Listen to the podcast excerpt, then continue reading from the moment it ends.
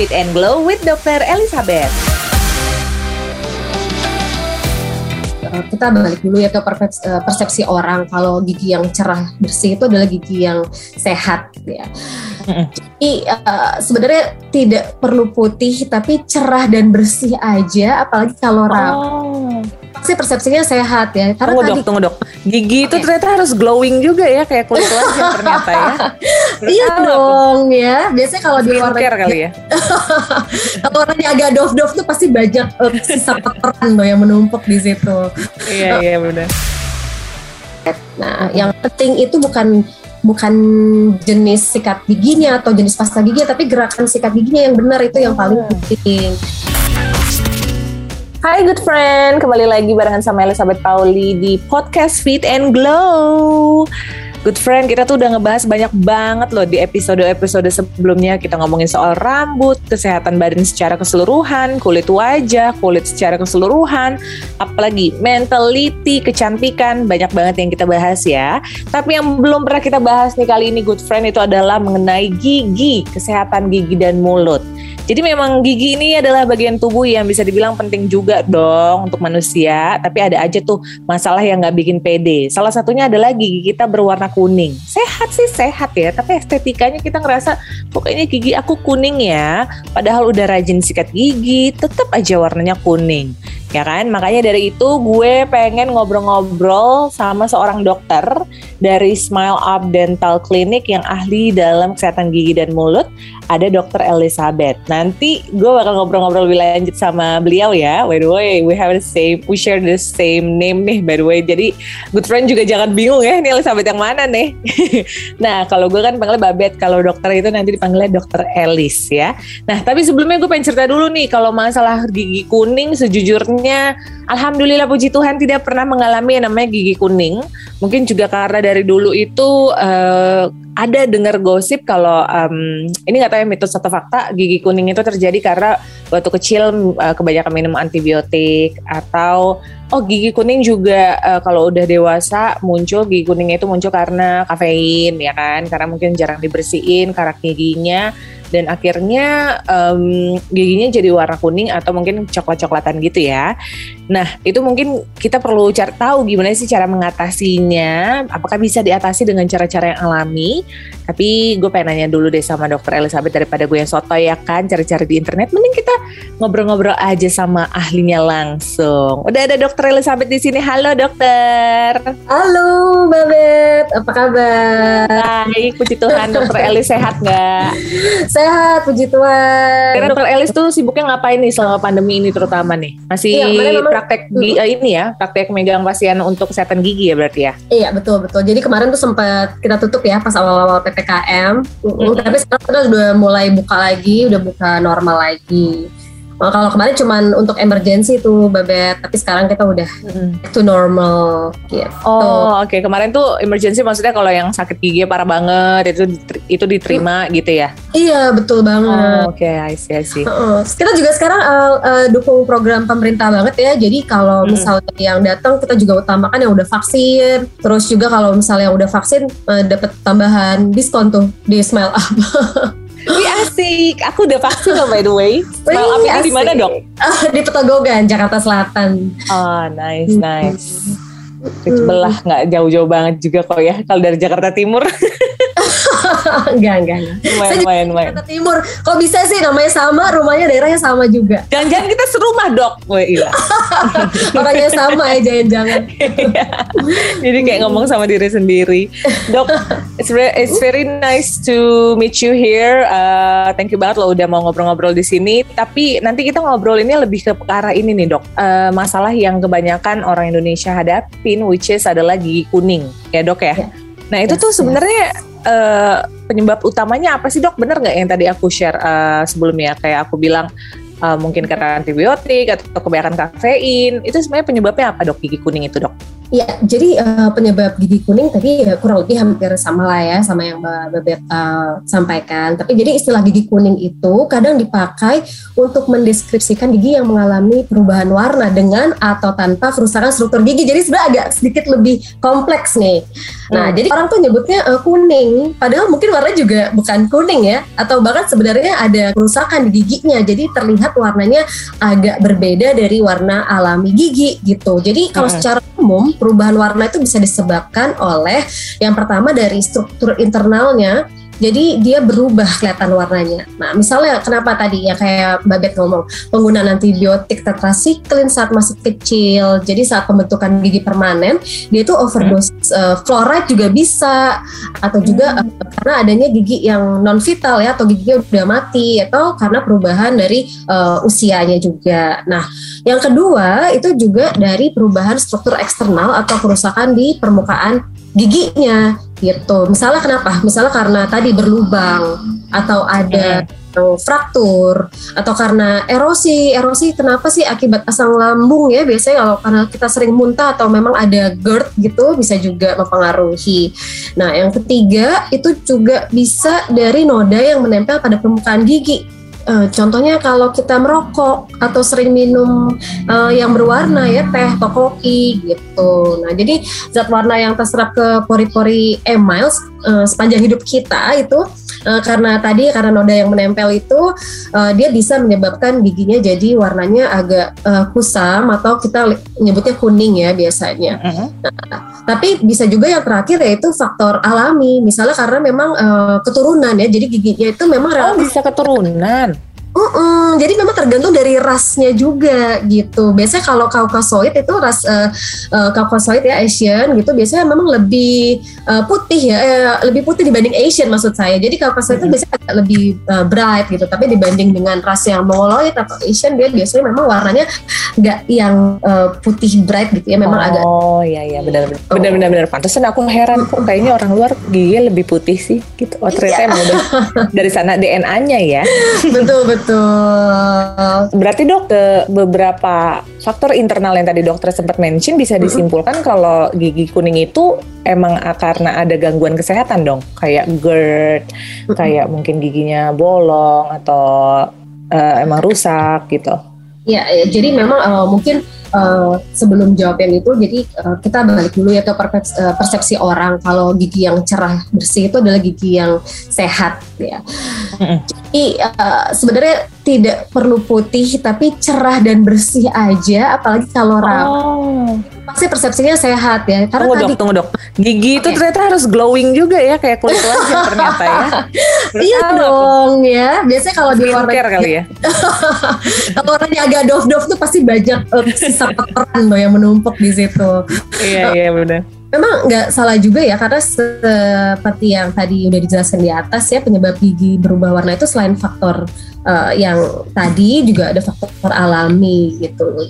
Jadi sebenarnya karena ada perubahan juga bisa atau ada gangguan, ada juga karena gaya hidup. Ya. Jadi nggak salah kalau memang uh, persepsinya kalau gigi kuning itu berarti ada gangguan kesehatan gitu ya hmm. mungkin dari gaya hidupnya atau memang dari uh, ada penyakit yang menyebabkan giginya jadi gampang karies gitu nah terutama kalau perubahan warnanya itu disertai dengan uh, kerusakan struktur giginya ya. Misalnya karena giginya memang berlubang itu artinya keadaan rongga mulutnya mungkin ya tidak sehat. Kita harus lihat apakah juga ada gangguan di gusinya apakah gusinya juga uh, mudah uh, berdarah atau bahkan mungkin sampai bengkak gitu ya atau bisa juga karena tadi yang kita um, bahas di awal ya ada gangguan pencernaan asam lambung sering muntah jadi zat asam itu kan keras ya maksudnya makanan yang masuk ke dalam perut aja tuh dihancurkan oleh zat asam. Dan orang kalau yang punya sakit mah atau GERD itu zat asamnya biasa naik ke atas ya ke kerongkongan. Nah itu juga bisa menyebabkan erosi gigi yang menyebabkan uh, struktur bagian luar giginya rusak dan warnanya bisa jadi agak kekuningan gitu Mbak Hmm. Jadi tandanya itu adalah kuning dulu baru habis itu rusak ya dok ya? Iya betul. Jadi memang warna emal itu kan emang uh, lebih putih ya, lebih putih dan agak transparan. Nah di dalamnya itu lapisan kedua adalah dentin. Dentin itu uang warnanya agak kekuningan. Jadi oh. biasa kalau ada di struktur uh, lapisan emalnya itu warnanya jadi kelihatan lebih warna dentinnya gitu. Oke. Okay. Berarti ada dong dok caranya untuk mengatasi itu. Mungkin ada nggak sih dok kayak bahan hmm. alami memutihkan gigi yang kuning gitu? Ada sih. Jadi bahan alami uh, apa ya? Jadi biasanya tuh hanya bersifat uh, mengikis ya abrasif gitu jadi uh, hmm. yang yang dipakai itu yang biasa kayak lemon, strawberry, itu ada juga baking soda gitu. Nah, tapi yang bahan alami ini biasanya tuh hanya bermanfaat pada yang nodanya ringan yang menempel pada permukaan gigi gitu. Misalnya kalau kita uh, sering minum teh atau kopi, nah itu baru pakai yang alami. Tapi kalau yang sudah terserap warnanya sampai ke dalam itu biasanya kita butuh bahan khusus. Nah, tapi kalau misalnya uh, perubahan uh, struktur atau warna giginya itu karena tadi karena penggunaan antibiotik ya itu biasanya nggak bisa dengan bahan alami. Biasanya memang harus dilakukan tindakan lanjutan gitu. Hmm. Me, okay. ya, me, bukan memperbaiki ya sebenarnya hanya untuk menutup lah menutup karena itu warna yang karena antibiotik itu warnanya ya sudah memang secara alami warna permanennya begitu ya agak kuning yeah. bahkan hitaman jadi nggak bisa hanya dengan bahan-bahan yang kita taruh di permukaan luar itu itu butuh uh, treatment khusus hmm, gitu. I see hmm. aku pernah sih dok ngelihat ada kasus gigi itu kayak giginya tuh beda sendiri gitu jadi yang satu warnanya agak lebih kuning sisanya warnanya normal gitu Iya, iya, iya bisa bisa jadi seperti unik sih ya. Uh -uh. Jadi dok, uh, ada nggak sih sebenarnya cara yang tepat untuk mutihin atau bersihin gigi yang kuning? Maka tadi uh, balik lagi kita ya, berarti tergantung uh, penyebabnya tuh. Jadi kalau ada perubahan dari memang dari struktur internalnya dan hmm. eksternal gigi, tindakannya tuh uh, memang agak sedikit invasif tadi. Ter, uh, jadi maksudnya apa sih yang perubahan struktur internal dan eksternal ya tadi? Contoh penggunaan hmm. antibiotik ya. Jadi tindakannya tuh tidak hanya uh, di obat yang dioleskan pada permukaan, tapi juga perlu dilakukan penambalan atau bahkan mungkin buatan veneer atau crown ya ditambah dengan uh, ada yang disebut internal bleaching, yaitu dia bleachingnya itu dimasukkan ke dalam gigi bahan ya, bukan cuman oh, di permukaan. Cuman di luarnya Oke. Okay. Iya betul. Nah tapi kalau yang gampang-gampang nih karena misal karena noda pada permukaan gigi aja itu kadang uh, kita lihat tuh kalau misalnya memang masih baru tindakan scaling atau stain uh, polishing yang pakai alat polisher yang ada airnya udara dan bubuk itu ya mungkin Babet pernah pernah lihat juga jadi hmm. tindakan uh, stay uh, scaling dan uh, polishing. Nah, itu tuh bisa tuh untuk uh, membersihkan noda pada permukaan gigi, terutama yang belum lama ya. Maksudnya dalam jangka waktu yang misalnya uh, nodanya itu baru timbul sekitar enam bulan yang lalu gitu masih gampang. Uh -uh.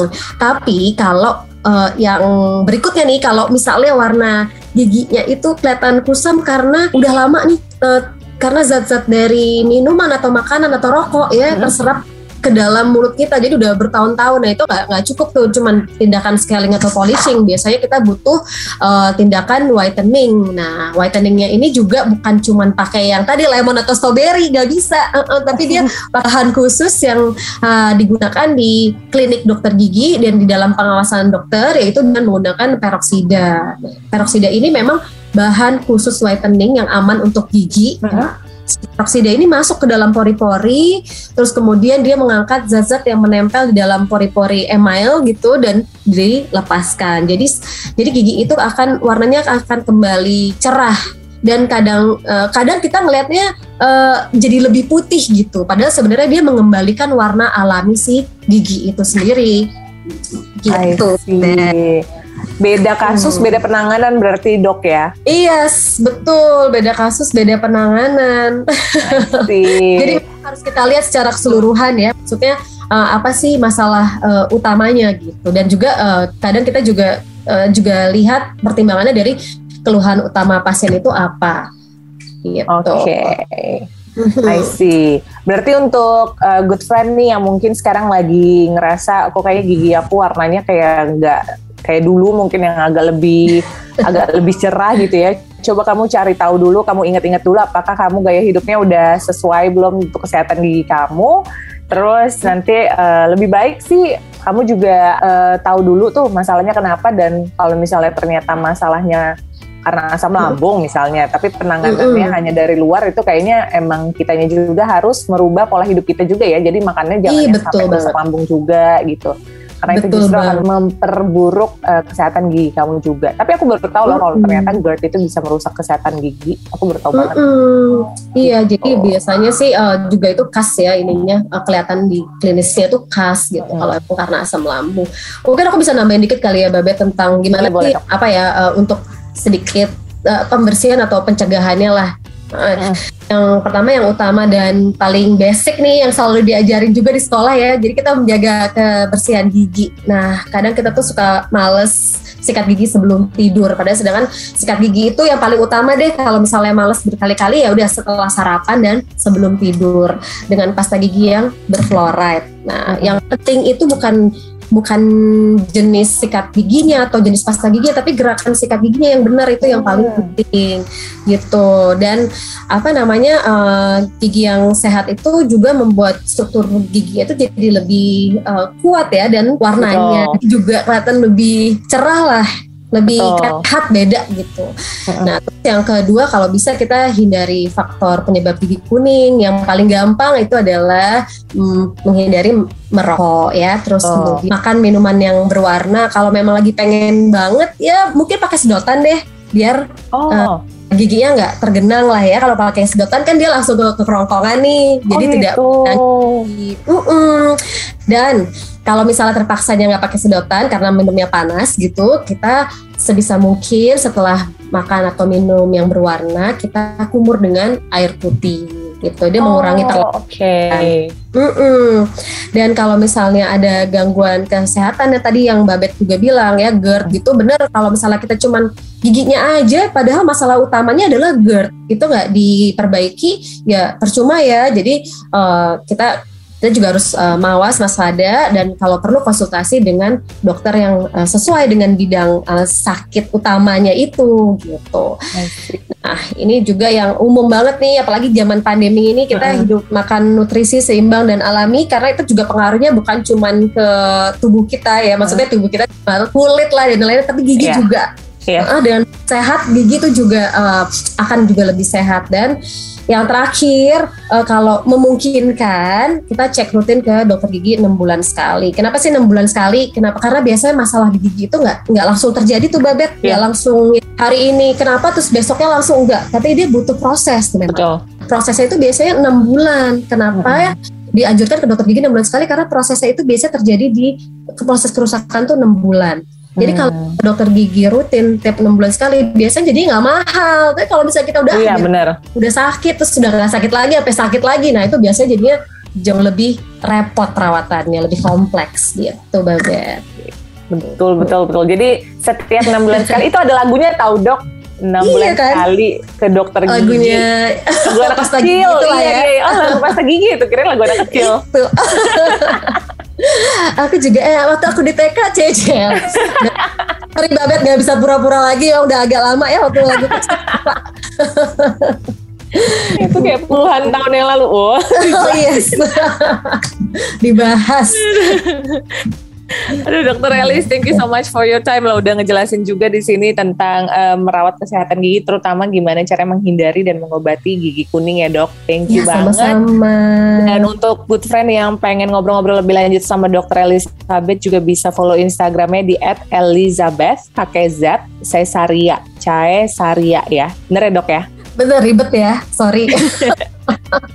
Itu per, tau gak sih dok? Itu perpaduan nama aku sama sahabat aku. Oh ya, oh, gila. Yes, exactly like that. Kayak kita Ya ketemuan relate dah, Bet. bener bener ya. Nah, jadi untuk good friend juga nih bisa dengerin Fit and Glow di Delta FM, Bahana FM dan Female Radio dari hari Senin sampai Jumat jam 10 sampai jam 4 sore ya. Thank you dokter for your time. Kita ketemu lagi ya kapan-kapan. Oke, thank you Babet. Bye bye. Fit and Glow with Elizabeth Pauli.